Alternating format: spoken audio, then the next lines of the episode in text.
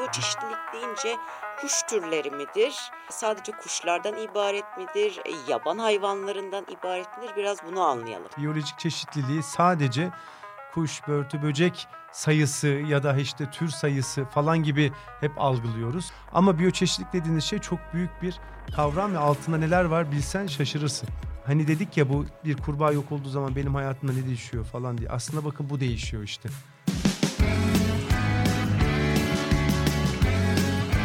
Oku, dinle, izle. Kısa Dalga.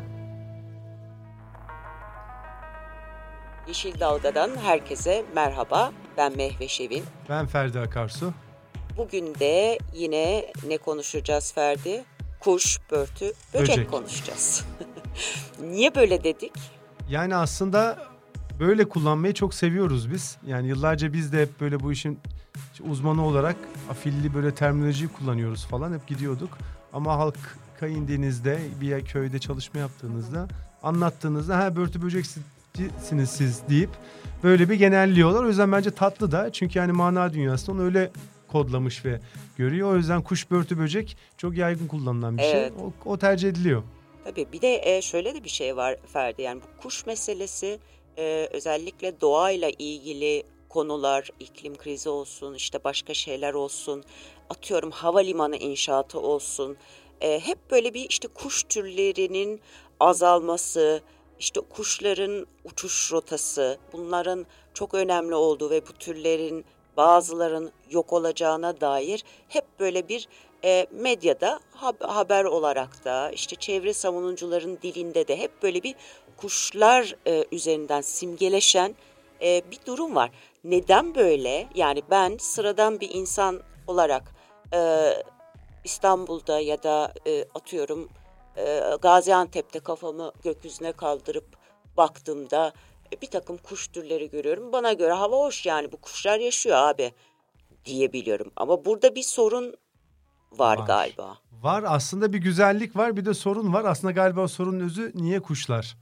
Yani bakınca derdimiz ne kuşlarla? O kadar canlı türü var, yılanı var, kuşu var, börteci böceği var. Biz sadece kuşlara sanki hep odaklıyız ve sadece bu durum bilimle de alakalı değil. Doğa korumayla da alakalı, edebiyatla da alakalı bir şekilde kültür üretimle. Baktığınız zaman aslında bu birazcık e, sanki e, şey gibi ya nasıl anlatmak lazım? Kuşlara birazcık fazla kredi verilmiş doğada. Şimdi ben bir kuş bir bilimci olarak, olarak bunu demek evet, evet, e, çok... çeşitli e, sorunlara yol açabilir. Yanlı oldu ama anlatınca şimdi anlayacaksınız kastettiğimi. Tamam. Şimdi şöyle bir durum var. İnsanoğlunun en büyük dertlerinden, özlemlerinden biri ne böyle? Hep gökyüzüne bakıyoruz değil mi? Hazerfen falan. Uçmak uçan bir şeyler. Çünkü biz yere bağlıyız. Yer çekimi bizi çekiyor vesaire vesaire. Şimdi baktığınız zaman gökyüzünde bunu yapabilen ne canlıları var gördüğünüzde biraz önce sen de örnek verdin. Kuşlar. Dolayısıyla öykünüyoruz. Birincisi bir ezikliğimiz var. Bunu yazalım bir tamam. tarafa. İkincisi daha da aslında ilgi çekici konularından biri de rengarenkler. Baktığınızda uçmalarının yanında her çeşitli renkte görüyorsunuz ve çevremizde de varlar. Dolayısıyla uçmaları ve renklerin de güzel oluyor olmaları böyle albenili olmaları şekilleri şemalleri baktırıyor kendini. Bir tane daha güzel özelliği var. Ses. Evet ötüyorlar. Hepsi, hepsi tabii ötücü kuş değil. değil. Evet. Yani evet. martıyı, karga kargayı var, karga da falan var. Evet, o da bizim, ama, o da evet. bizim. Ama şöyle bir durum var. Zaten biz kuşları da aile olarak öyle ayırıyoruz. Ötücü kuşlar, yırtıcı kuşlar, su kuşları diye. Ama biz genelde çevremizde hep ötücü kuşları algısal olarak görüp biliyoruz ya. Yani bir algı seçicilik oluşuyor. Dolayısıyla diğer can türlerinde bunu görmüyorsunuz. Mesela balıklar da çok güzeldir yer altında. İşte mağaralarda ya da okyanuslarda rengarenktir hatta ama sesleri yoktur mesela sadece fotoğraf çekilir bakarız. Şimdi kuşlar hem güzeller hem uçuyorlar bir de gerçekten görmeseniz daha sesleri geliyor. Yani hep bir hayatımızın içindeler bir şekilde. Siz onu görmeseniz de oradan bize devamlı sinyal veriyor. Bu bir diğer hani önemli durum. Diğer önemli durum da göç ediyor olmaları özellikle bazı türlerin. Şimdi bakın bu çok önemli. İnsanoğlunun bütün tarihi aslında baktığınızda bir göç tarihine derler ya savaş tarihi o tarihi. Göç de bir tarih bizim için ve devamlı bir devinim halindeyiz. İnsanlar buna baktıkları zaman kendi e, türlerine böyle en yakın böyle göçen, sıla falan diye kim yapıyor ediyor? Bakıyorlar leylek. Niye? İlkbaharda geliyor. hayvan böyle 3-4 ay yavruyu büyütüyor falan sonbahar doğup gidiyor. 4-5 Bir de ay yok. nereden nereye gidiyor Evet, yani. ha, yani bir de o var. Dolayısıyla kendi mana dünyasıyla hayatıyla da ilişkilendirebileceği bir şey görüyor. Direkt canlı canlı. Çünkü her yıl oluyor bir de bu. Bir ritüel gibi de oluyor. Bir bu durum önemli. Bir de davranışsal önemi yüzünden çok bilim adamlarının bizlerin kullandığı bir şey. O da şu. Kuşlar doğada uçma kabiliyetlerinden dolayı özellikle herhangi iyi ya da kötü şeye en erken reaksiyon veren canlılar. Biz bunu böyle canlıları indikatör diyoruz teknik olarak. Yani belirteç canlılar. Hatta bunu şurada da görebilirsiniz. Bazı filmlerde vardır. En son çekilen Arrival'da falan ya da savaş sahnelerinde elinde bir kanaryayla gider askerler. Çünkü bir kimyasal saldırıda, bir gaz saldırısında falan kuşlar hemen ilk reaksiyonu veren canlılardır. Dolayısıyla aynı şey bizim doğa korumada da vardır. Bir göl böyle kötüleşmeye başladığı zaman bir orman biz mesela gittiğimiz zaman uzmanlar kuşların azlığından, çokluğundan, türlerinin kompozisyonundan burada bir iyiye da kötüye gidiş var deriz. Hı hı. Hemen bize belli ederler oradaki durumu. Yani daha hiç orada bir şey Bir olmadan. kültürel olarak da e, bir şey var işte kuş üzerine sen demin e, örnek verdin başka bir açıdan ama e, mesela işte kuş üzerine kuş belli kuş türleri üzerine e, şiirde, edebiyatta, türküde e, bunların varlığı, sinemada gerçi sinemada biraz böyle işte Alfred Hitchcock e, korku e, falan o, o tarafıyla belki birazcık daha Var. alındı. E, bir de belgesel dünyası dediğimiz şey var. Hani hepimiz çok seviyoruz ya günlük yaşamın stresinden kaçmak için açıyoruz işte bir e, Terapi. terapi gibi. Hatta şey var yahu e, podcast ya da e, radyo programları falan olarak hani böyle meditatif şeyler için hep kuş sesleri kullanılıyor.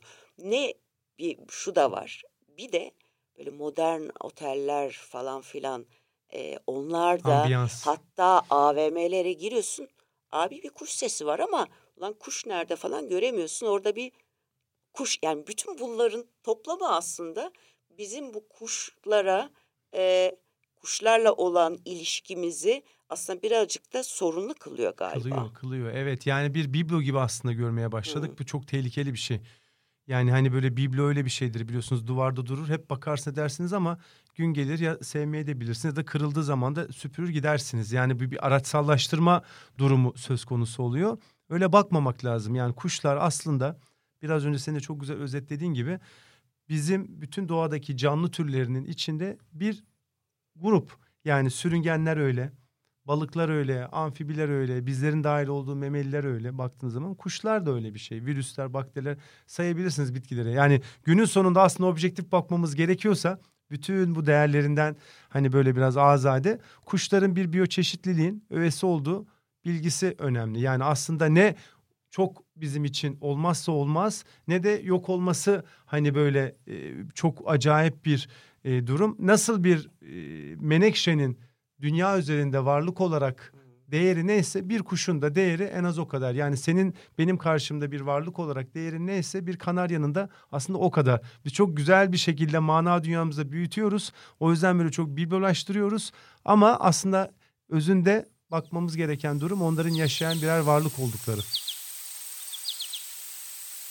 E, bir yandan da şöyle bir şey var. E, şimdi bu türlerin yok oluşu, e, kritik seviyeye inmesi, bazı türlerin e, kuştan kuş özelinde e, bahsedecek olursak başka şeylere de geçeceğiz tabii ki. Bu biyoçeşitliliğin bir parçası olması filan. Biz aslında insan ömründe yani kendi ömrümüzde, e, kendi gerçekliğimizde e, baktığımızda biraz ilgimiz varsa kuşların bizim yani kaçı gidiyor, kaçı gerçekten yok oluyor ve bunun bizim hayatımıza etkisi nedir kısmında bence bir eksiklik var. Neden olduğunu onu anlatır mısın? Yani orada yani bilimin sunduğu veriler var, işte haberleştirilen öğeler var. Demin bahsettiğimiz gibi kuşların kültürel yaşamımızdaki öykünmemizle bağlantılı tarafları var ama biz gerçekten de kuşların hayatımızla, kendi hayatımızla olan e, yaşamsal önemini algılayabiliyor muyuz? Yani ortalama 70-75 bir yıl yaşayacaksak biz bunları görebiliyor muyuz, anlamlandırabiliyor muyuz? Aslında şöyle Mehveş şöyle bir durum var yani sıkıntılı tarafı onun bir yanlış bir şeyle biz büyütüldük. Çok uzun yıllar bilerek bilmeyerek, isteyerek ya da istemeyerek yani şöyle bir bilgi bize oldu. Yaklaşık bu İkinci Dünya Savaşı ile başlıyor. Yani bir özellikle yoğun bir şekilde doğanın hani yok ediliyor olması ormanların özellikle Avrupa'da. Sonra bir çevre hareketi e, iyiden iyiye hatta hippi hareketiyle de yakın ilerliyor birbirine. Gelişiyor bir doğa koruma içgüdüsü işte canlılara, türlere, ormanlara, okyanuslara falan bir şey gelişiyor. Ve çok uzun yıllardır özellikle doğa koruma camiası ya da bilimde doğa koruma çalışan e, gruplar ilgiyi oraya çekebilmek bazen de fon bulabilmek için şöyle bilgiler yaydılar. Canlıların yüzde bilmem kaçı yok oluyor. Bizim yüzümüzden. Ormanlar yanıyor şu yüzden. Bakın böyle oluyor işte önümüzdeki çocuklarımızın falan geleceği çok kötü vesaire. Şimdi baktığınız zaman aslında bunlar da uzun vadeli olarak dediklerinde bir hata yok. Ama sıkıntı şurada. Biraz önce senin söyledin. Şimdi normalde insan eğer bir canlı türü olarak e, Neolitik dönemle itibaren hani bu kadar kendinde bir düşsel, beyinsel bir güç geliştirmese ve bu kadar büyük bir etkisi olmasa yani kastettiğim etki şu. Sen şu anda yapmazsın ama diye umut ediyorum. Bir atom bombasıyla bütün Türkiye'yi şu anda yok edebilirsin. Zamanında olduğu gibi düşünüyorum. Baktığın zaman orada yok olan sadece insanlar olmuyor. Kuş da, börtü de, böcek de. Ama sen aslında bir koskoca hayvanlar aleminin bir canlısının bir türüsün yani. Öyle düşün. Yani aslında dedim ya Menekşe'den bir farkın yok ya da benim. Evet. Bakın ama nasıl bir güç. Evet. Böyle bir güç hiçbir canlıda şu anda yok. Ama işin ilginci şu ki bu kadar güçlü olmamız ömrümüzü uzatmıyor. Ve o ömür zarfında bu kadar gücü kullanıp zamanında da bu oldu. Bir dünya yeri yok edip canlıları, insanları ama günün sonunda 75-80 yaşında hepimizin olacağı gibi ölüp gidiyoruz. Dolayısıyla bu aslında ekolojik bir sıkıntı. Çünkü doğanın bütün ömrü vesairesi baktığın zaman mesela bir canlılaşma, bir türleşme için yaklaşık doğada bir milyon yıl gerekiyor. Yani doğada bir şeyler oluyor ama onun zaman skalası çok büyük. Ama biz çok büyük bir güçle çok küçük zamanda çok şey yapabiliyoruz. Dolayısıyla yaptığımız şeyi de göremiyoruz. Aslında tam olarak etkisi. Tam olarak etkisi şu oluyor. Aslında bir kurbanın yok olması ya da bir ormanın kesilmesinin aslında uzun erimde inanılmaz büyük etkileri var. Çünkü neden biliyor musun? Bu bir zincir. Bu ekosistem diyoruz bir bir besin Oraya döngüsü. Evet bu dolayısıyla bunu bir şekilde kesintiyor. Ama bunun etkisi belki 300 yıl sonra, belki 500 yıl sonra, belki 1 milyon yıl sonra görünebiliyor. Ama bizim ömrümüz buna yetmiyor. Biz yaptığımızda evet. kalıp geçmiş olsun deyip gidiyoruz yani. Bir pamukla yollanıyoruz bir taraflara. Dolayısıyla böyle baktığın zaman duruma bir sıkıntı var. O yüzden de insanoğlu aslında o zamanlarda hep şunu yaptık dendi mesela. İnsanoğlu şu ormanı yok ettiniz Bakın işte yok olacak oralar. Bir baktı ki 10 sene 20 sene sonra hiç de bir şey olmadı yaşıyorum. Ee, şunun Aa, işte Amazonlarda şu kadar yok oluş var ya da mesela WWF'in e, Ekim ayında bir araştırması evet. yayınlandı. Bunlar tabii ki haber sitelerinde de çıktı. Doğal Hayatı Koruma Vakfı'ndan bahsediyorum. Aynı zamanda Londra Zooloji Derneği ile birlikte e, bir biyoçeşitlilik raporu e, yayınlıyorlar ve 1970 ile 2018 arasında yani 48 yıllık bir sürede hayvanların nüfusu yüzde 69 azaldı diyorlar. Şimdi bu e, hayal edebilmek açısından yani bunun sarsıcı bir kayıp büyük bir rakam olduğunu anlıyoruz. Ama hangi hayvan nüfusu nerede ne şekilde azaldı? Bunun biyoçeşitlilikle alakası nedir? Ya da mesela insan evladının daha önce de konuştuk işte tarımsal aktiviteleri e, bizim sabahleyin kahvaltımızda yediğimiz şeylerle bir bağlantısı var mıdır e, diye soracağım. E, bu raporda çok e, gerçekten de yaban hayvan nüfusunun yüzde 94'ünün son 48 yılda kaybolduğunu söylüyor ama bu bilim insanların dışında ki hatta gazeteciler hatta çevre alanında çalışanlar için bile hazmetmesi çok zor bir bilgi, anlamlandırması zor bir bilgi. O zaman şuradan başlayalım. Hem bu araştırmaya dair belki eklemek istersin. Hem de bu biyoçeşitlilik dediğimiz şey nedir? Demin sen bir iki kere bahsettin. Yani biyoçeşitlilik deyince e, kuş türleri midir? e, sadece kuşlardan ibaret midir, e, yaban hayvanlarından ibaret midir? Biraz bunu anlayalım.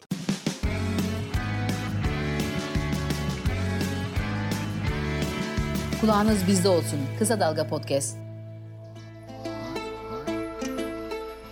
Tamam yani aslında tam da güzel bir yere geldin orada iyi oldu. Çünkü biz biyoçeşitliliği biraz yanlış öğrendik. Çünkü biyolojik çeşitliliği sadece kuş, börtü, böcek sayısı ya da işte tür sayısı falan gibi hep algılıyoruz. Hep neredeyse öyle bir şey oluştu yani. Ama biyoçeşitlilik dediğiniz şey çok büyük bir kavram ve altında neler var bilsen şaşırırsın.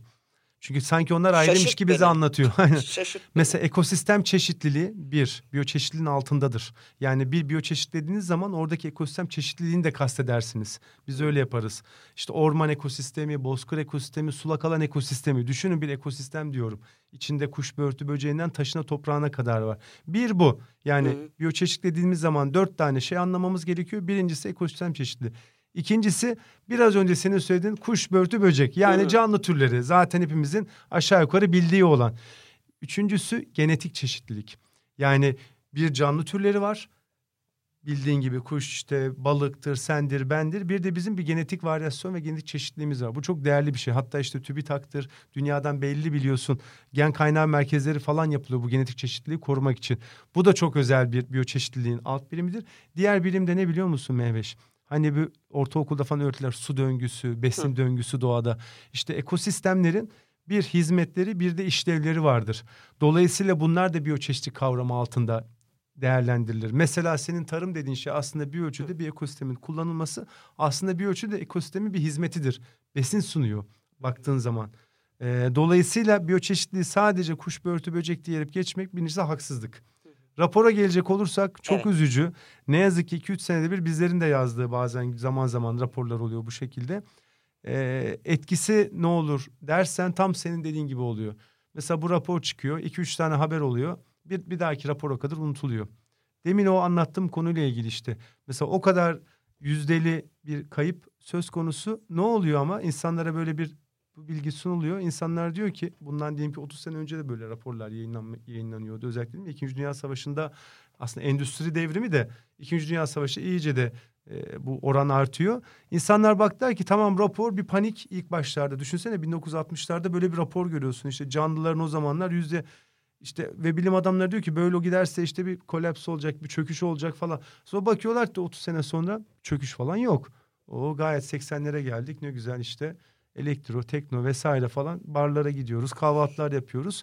Acaba bir yanlışlık mı var bu işte? Bu bir iki kere olunca bu sefer insanlarda şu olmaya başladı. Demin anlattığım olay yani. E, tamam yani demek ki bu da doğanın parçası. Belli şeyler yok olacak. Belli şeyler. Ama biz de hayatta kalmaya devam Evet, edeceğiz. devam edeceğiz. Yani esas Aslında- olarak insan içinde o. Ben yaşay yaşayabiliyorum ya. Evet. Değil mi? Sıkıntı orada başlıyor. Aslında işte bugüne kadar bu etkileri demin anlatmıştım. Yani doğanın takvimi böyle bir milyon yıllık periyotlarda aslında görüp bir şeyler görüyoruz değiştiğini vesaire. İnsanın ömrü 75 sene demiştik. Ama ilk defa ders niteliğinde doğa bir nur topu gibi bize sorun çıkarttı. Karşımıza iklim. Hani dedik ya bu bir kurbağa yok olduğu zaman benim hayatımda ne değişiyor falan diye. Aslında bakın bu değişiyor işte. Öyle bir büyük bağlantı var ki iklimde bununla ilgili biyoçeşitlilik kaybında. Şöyle söyleyeyim size çok basiti. Amazon ormanları mesela hani biyoçeşitliliğin en e, yoğun olduğu. Siz şimdi Amazon ormanlarında deli gibi yangınlar oluyor. Özellikle işte bizde kışken orada yazken. Kesimleri söylemiyorum bile. Yapılan Evet. Belemento gibi barajları vesaire. Şimdi bunlara baktığın zaman o orman yavaş yavaş kesiliyor, yok oluyor. Karbon tutma potansiyeli azalıyor. Karbon tutma potansiyeli azalması demek Amazonların e, bahsettiğimiz o işte e, havadaki karbonun sayısı inanılmaz miktarda artıyor. E, bu da bize günün sonunda işte küresel iklim olarak oluyor, geliyor. Hı hı. Peki o ne yapıyor işte? İstanbul'da hortum çıkarıyor. Evet. Bakın işte bir tane kurbağa gidince ne oldu? Bir ağaç gidince ne olduysa bu oluyor. Hani diyoruz ya bir kurbağa gidince ne olacak bana? Bu olmaya başladı. Aşırı iklim olaylarında şiddet ve sıklığı e, artmaya başladı. İşte bakın e, Ege bölgesinde 6-7 aydır yağmur yok. Düşünsenize bir tarım, Tarım, coğrafyası tabii. yani baktığınızda işte bakın bir kurbağa bir tane oradaki ağaç bunu yapıyor Bir aslında. de belki şunu da söylemek lazım Ferdi. Yani e, ik- iklim krizini nasıl bu biyoçeşitlilik kaybı e, şey yapıyorsa, hızlandırıyorsa, yani karşılıklı bir e, Tabii. dön, Kısır yani bir- döngü gibi bir oluyor. kısır döngü söz konusu. Biyoçeşitlilik kaybı da hızlandıkça e, iklim krizi şiddetleniyor. E, ve aslında bunlar tabii ki belli başlı e, bu işin uzmanları işte yıllardır yapılan bu iklim krizi üzerine paneller şunlar bunlar falan aslında biyoçeşitlilik konusunun ne kadar kritik bir meseleye geldiğinle ilgili bile e, son 10-15 yıldır tabii, benim bildiğim yukarı. yani karar vericilerin tabii, tabii, tabii. gündemine alması var. E, bu noktada bence Türkiye ile ilgili şunu da söyleyelim ve bunun ne anlama geldiğini söyleyelim. Türkiye'de e, hala bütün e, işte e, son 20 yılın özellikle ondan öncesine başlayan e, kalkınmacı politikalarla yapılan bütün yatırımlar, turizm, maden, enerji, şu bu falan e, işte taş ocağından başlayarak işte e, hidroelektrik santrallere varan böyle bir yoğun e, bir e, doğanın e, ve onun içindeki canlıların bütün ve tabii ki insanın hayatını doğrudan etkileyen e, eylemler hız kazandı. Çok. E, bu, buna değiniyoruz ama bundan bahsederken biz medyada hep işte bir yerde bir şey oluyor yerel direnişleri e, onu da zaten medyanın çok kısıtlı, kısıtlı bir kısmı görüyor ayrı konu. Türkiye'de mesela biyoçeşitlilikle ilgili Avrupa ile karşılaştırma falan yapınca da e, aslında halen zenginiz. zenginiz. Avrupa ile kıyasladığımızda gerçekten zenginiz ama bizlerin genelde böyle hani bir memleketini, vatanını, toprağını çok seven bir şey hmm. yapımız var. Çok öv, övüyoruz. Gittiğimiz yerlerde anlatmayı severiz. Çok güzel bir özellik bu. Ama baktığınız zaman şu bilgiyi de verelim. İyilerini anlatmadan önce ben hep yine böyle bir lazık Aha. yapıp böyle sondan başlayayım yani duruma. Ee, biyoçeşitlendiği zaman Türkiye dünyada bir numara değil. Yani Değil Amazon havzası gibi böyle tropikal yerler vardır mesela. Gerçekten inanılmaz bir muazzam canlı çeşitliliği ya da okyanuslardaki balık çeşitliliği falan. Hani onunla Türkiye kıyaslamaz. Ama Türkiye'nin özelliği ne biliyor musun Meyveş? O kritik. Türkiye gerçekten bulunduğu coğrafya içinde birincisi biyoçeşitlilik açısından yani bunun içinde ekosistem çeşitliliği de canlı türleri de demin anlattığım gibi bir yoğun. Ama bunun bir nedeni var. Biz buna çok uzun yıllar önce e, böyle bir şeyde 2005'lerde falan mucizeler kesidi demiştik. Öyle kullanmıştık. Onun da nedeni şu. Nasıl siyasi olarak, jeopolitik olarak hani Batı ile Doğu'nun tam ortasında, Kuzey ile Güney'in ve Türkiye'nin böyle bir yapısı var. Biyoçeşitlik için de o geçerli. Aslında şöyle. Afrika'daki canlıları en kuzeyde görebileceğiniz yer Türkiye. Rusya'daki, Sibirya'daki canlıları en güneyde görebileceğiniz yer Yine Türkiye özellikle bizim Doğu Karadeniz. Asya'dakileri Asya.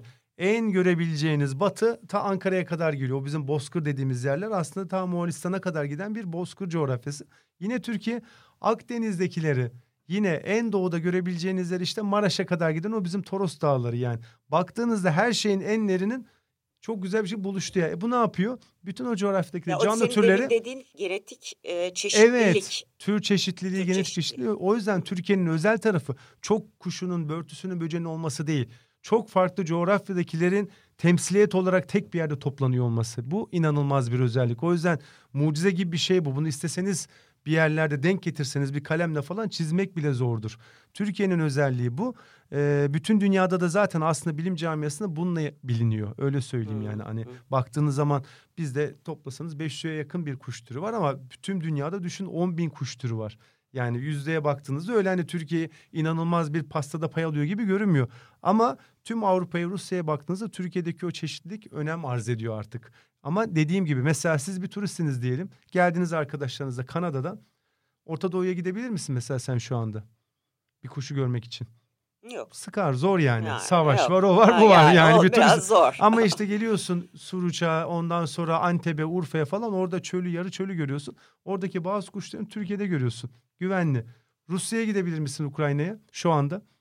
Nasıl gideceğiz? Değil mi? Ama gel işte bizim Artvin'e, Trabzon'a, Rize'ye oradaki bazı kuş türlerini orada görebiliyorsun. Bazı canlıları, ağaçları gibi anlatabiliyor muyum? O yüzden Türkiye böyle farkında değil ama inanılmaz bir turizm potansiyelinin de üzerinde e, yaşıyor. Yani bu, bu söylediğim şey inanılmaz bir aslında potansiyel. Baksana. İnanılmaz bir zenginlik. Zenginlik. Bir Ama bir yandan da işte şöyle oluyor.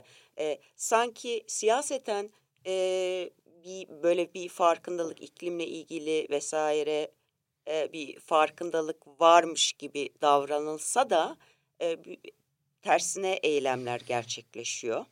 e, bol miktarda. Yıkama, yani ya- mesela yıkama yağlama işte, diyelim e, de bir anlaşalım burada ben sana. yıkama yağlama. Bu greenwashing deniyor yani o yüzden bu tabiri kullandım yani. Onu nasıl Hmm. Türkçeleştirdiler bilmiyorum ama yeşil yıkamacılık. öyle mi deniyor? Yeşil Bilmiyorum, denk- yıkama. Ha, tamam okey. Yeşil yıkama bence uyar. Bence mış gibi desek ya. Hmm, mış gibi yapmak. Çok daha Evet. güzel Türkçe Aslında böyle. ondan daha öte aslında burada bir dezenformasyon e, vaziyeti de var. Yasası da geçti ne yapacağız? Oo. Neyse e, hep mesela şey deniyor ya e, onu belki başka bir seferde devam ederiz ama hani e, şu kadar kestik ama şu kadar da diktik. Hani demin söylediğim bu Hmm. ekosistem e, şeyinin içinde olduğunu hani o, o ağaç olmazsa o kuş yaşayabiliyor mu acaba gibi Mantığını. bir soru da çıkıyor ortaya. Evet evet onu şöyle anlatalım. Şimdi bizde ve aslında bizim gibi ülkelerde sadece Türkiye'de değil şöyle bir şey var yıllardır. Bu hani kalkınmayı önceleyen ülkeler diyelim genel olarak.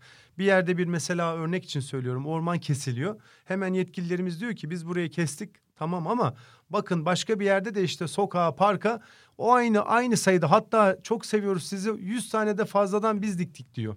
Hmm. Şimdi insanlar da doğal olarak orman ağaç olarak bildikleri için büyük oranda iyi madem yani yaptılar ama bak ektiler hani iyi niyetliyiz de öyle düşünüyoruz. Orada şöyle bir fark var. Kesilen orman bir ekosistem.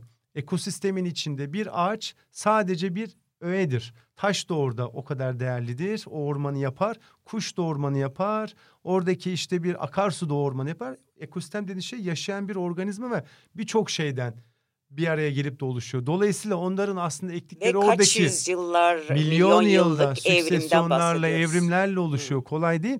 Dolayısıyla onların oraya ektikleri ağaç evet kıymetsiz mi? Değil. Kıymetli. En nihayeti oksijen üretiyor, karbon tutuyor ama bir orman değil. Biz ona zaten teknik olarak plantasyon diyoruz. Onun bir adı vardır yani. Bilimde de orada da burada da. O evet belli 50 yıllar, 100 yıllar sonra ormanlaşma potansiyeli de olabilir ama bunun yanlış bilinmemesi lazım. Onun bir örneği daha var biliyor musun? Hı. Onu da söyleyeyim istersen Söyle. kapatmadan. Bir göl yok oluyor. Örnek veriyorum. Hemen deniyor ki ama biz bakın işte bir baraj yaptık bir gölet oldu. Baraj göletleri Heh, var ya gölleri. Şimdi aynı şey. Bir göl tatlı su ekosistemidir. Onun içinde balığı vardır, yine su kuşu vardır, sazı vardır. Yani suyu vardır, tortusu vardır, mikroorganizması. Hepsi aynı orman gibi bir organizmadır. Büyük çalışırlar yani bir göl içinde. Ama siz gidip de benim bahçeme yaptığım bir havuz gibi kapatıp bir yerde su dökünce de bu da göl derseniz olmaz. Onun adı da gölet. Yani insanlar bunu da karıştırmasın. Yani bir yerde doğal Burdur Gölü yok olunca gidip de işte Isparta'nın bir yerine bir tane gölet yap.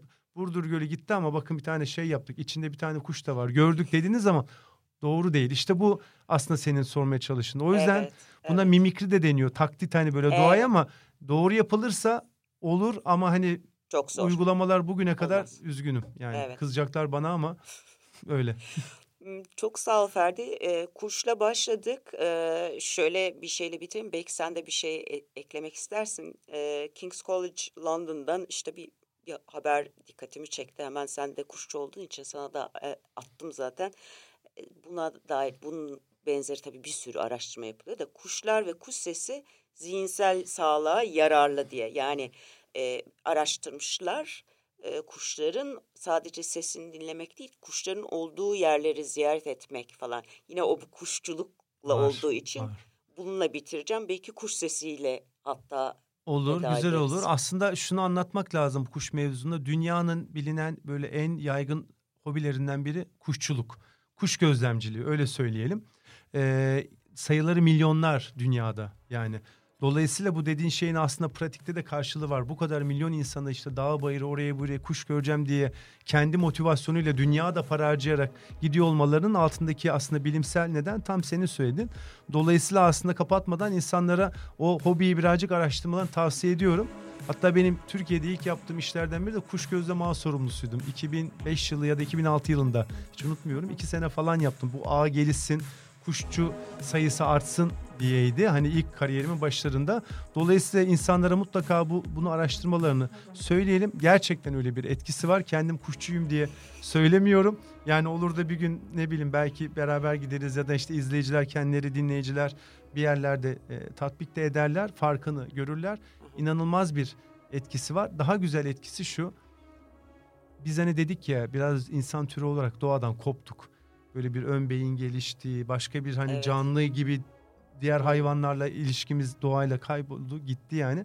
kuşçuluk aslında sizin o kaybettiğiniz içinizdeki doğayı yeniden size Yani o yaklaştıran bağı- bir araç o aslında. bağı kurabilmek için. Kurabiliyorsunuz bir ölçüde. Hmm. İşte onun diyorsunuz ki mesela şu anda sokağa çıkıp baksınlar mesela hani örnek için veriyorum. Bir kuş türünü görüyorlar. O kuş türü mesela diyelim ki yazın sadece geliyor. Birdenbire siz hemen bir bağlantı kuruyorsunuz. Aa bak kuş geldi bir sene daha geçti falan. Hani bir tekrar o ekosistemle doğayla konuşmanızı bir ölçüde sağlıyor. En kıymetli kısmı bence burası. Bence de. Bence kuş işine e, zaten devam edeceğiz e, diğer yayınlarımızı ama şimdilik bu kadar diyelim. Ve bir başka Yeşil Dalga programında görüşmek üzere. Hoşçakalın. Hoşçakalın. Dalgayı yakalayın. Dalgayı, yeşil dalgayı yakalın. Yeşil dalgayı yakalıyoruz. Hem kısa dalgayı hem yeşil dalgayı Evet, yakalayın. Bütün dalgaları yakalıyoruz. Oku, dinle, izle. Kısa Dalga.